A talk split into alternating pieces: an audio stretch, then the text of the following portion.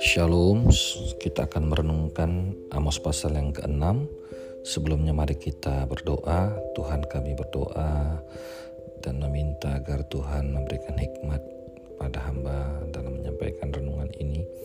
Biarlah ini menjadi berkat bagi kehidupan sehari-hari kami. Terima kasih Tuhan dalam nama Yesus Kristus kami berdoa. Amin Saudara, Amos pasal yang ke-6 ini terdiri dari 14 ayat yang berisi tentang teguran kepada bangsa Israel yang merasa uh, tentram namun Allah memperingatkan hati-hati dengan rasa tentram yang palsu itu ya. Uh, bagaimana mereka uh, beralih daripada Tuhan. Saya akan bacakan dengan cepat saja ayat 1 sampai 14 celaka atas orang-orang yang merasa aman di Sion, atas orang-orang yang merasa tentram di Gunung Samaria, atas orang-orang terkemuka dari bangsa yang utama, orang-orang yang, yang kepada mereka kaum Israel biasa datang. Menyeberanglah ke Kalne dan lihatlah. Berjalanlah dari sana ke Hamat yang besar itu dan pergilah ke Gad orang Filistin. Adakah mereka lebih baik dari kerajaan-kerajaan ini atau lebih besar dari daerah mereka dari daerahmu? Hai kamu yang menganggap jauh hari malapetaka, tetapi mendekatkan pemerintahan kekerasan yang berbaring di tempat tidur dari gading dan duduk berjuntai di ranjang, yang memakan anak-anak domba dari kumpulan kambing domba dan anak-anak lembu dari tengah-tengah kawanan binatang yang tambun, yang bernyanyi-nyanyi mendengar bunyi gambus dan seperti Daud menciptakan bunyi-bunyian bagi dirinya yang minum anggur dari bokor dan berurap dengan minyak yang paling baik, tetapi tidak berduka karena hancurnya keturunan Yusuf. Sebab itu, sekarang mereka akan pergi sebagai orang buangan di kepala barisan dan berlalulah ke riuhan pesta orang-orang duduk beruntai. Ayat 8 Tuhan Allah telah bersumpah demi dirinya. Demikianlah firman Tuhan alam Allah semesta alam Aku ini geci kepada kecongkakan Yakub dan benci kepada purinya. Aku akan menyerahkan kota serta isinya. Ayat yang ke-14 sebab sesungguhnya aku akan membangkitkan suatu bangsa melawan kamu.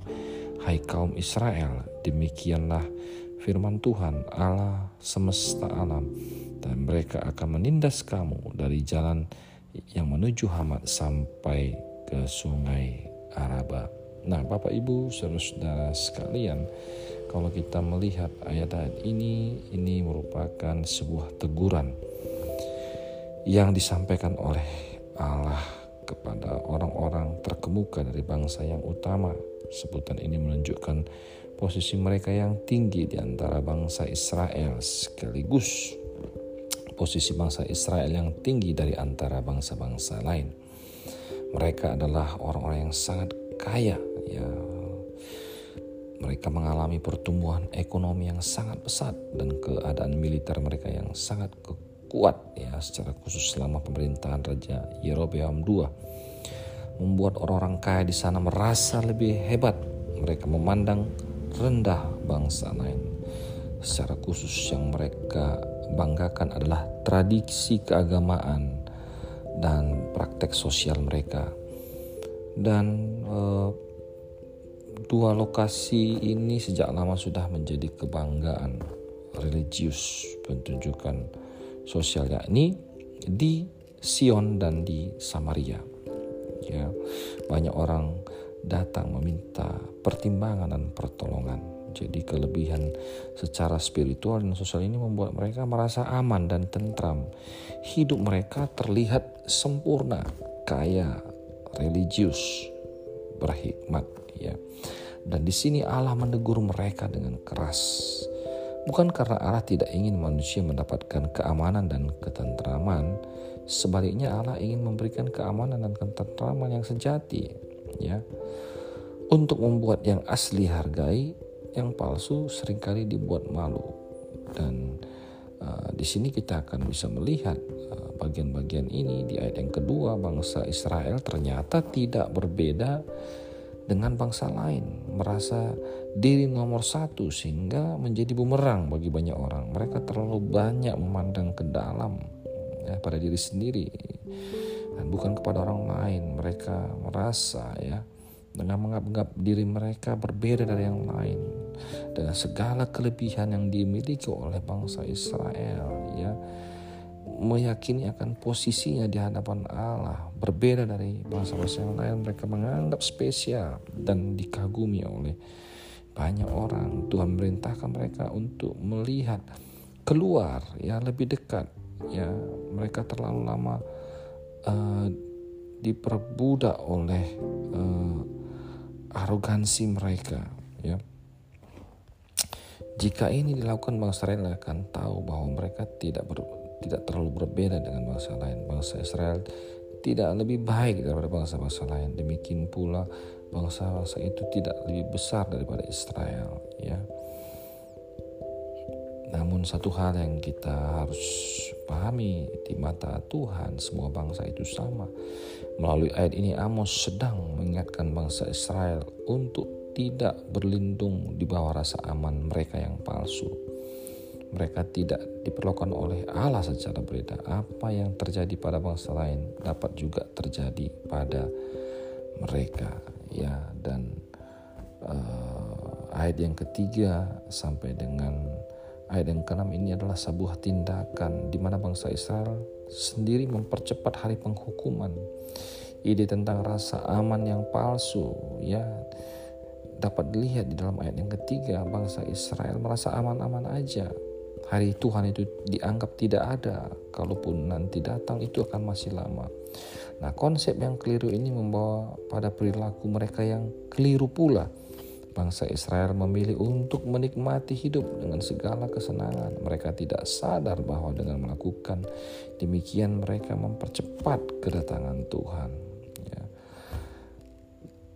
Dan orang-orang kaya di Israel pada zaman Amos lebih parah lagi mereka memanfaatkan momen eh, perkabungan ini untuk memuaskan diri mereka dengan segala kesenangan dan kemewahan. Mereka memamerkan kemewahan di tengah suasana perkabungan. Nah, semua kesenangan ini mereka membuat mereka lupa pada tujuan semula, ya. Upacara perkabungan seharusnya merupakan kesempatan untuk berduka.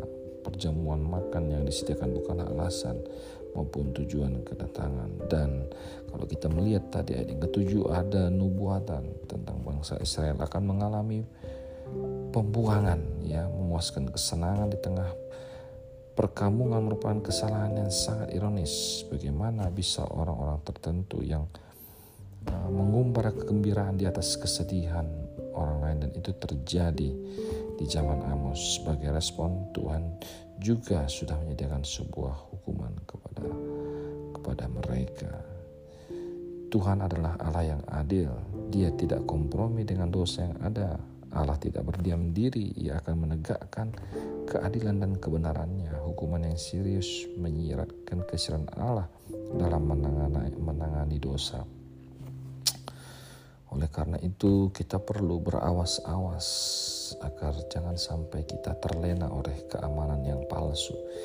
Kita harus tetap hidup dalam uh, firman Tuhan ya dan hidup di dalam kesaksian untuk tidak hanya mementingkan diri sendiri tapi juga keluar untuk memberitakan Injil, membawa keselamatan. Kita ingat apa yang menjadi tujuan dan panggilan Allah dalam hidup kita. Kita harus jadi berkat. Biarlah ingatan Amos ini juga menjadi pengingat bagi kita bahwa jangan terlena, terbuai dengan kenyamanan yang Tuhan sudah berikan kepada kita, tapi kita ingat panggilan Tuhan uh, atas setiap kita untuk kita bisa lakukan di dalam kehidupan kita. Puji Tuhan, demikianlah uh, firman Tuhan. Kiranya Tuhan memberkati kita sekian. Shalom. you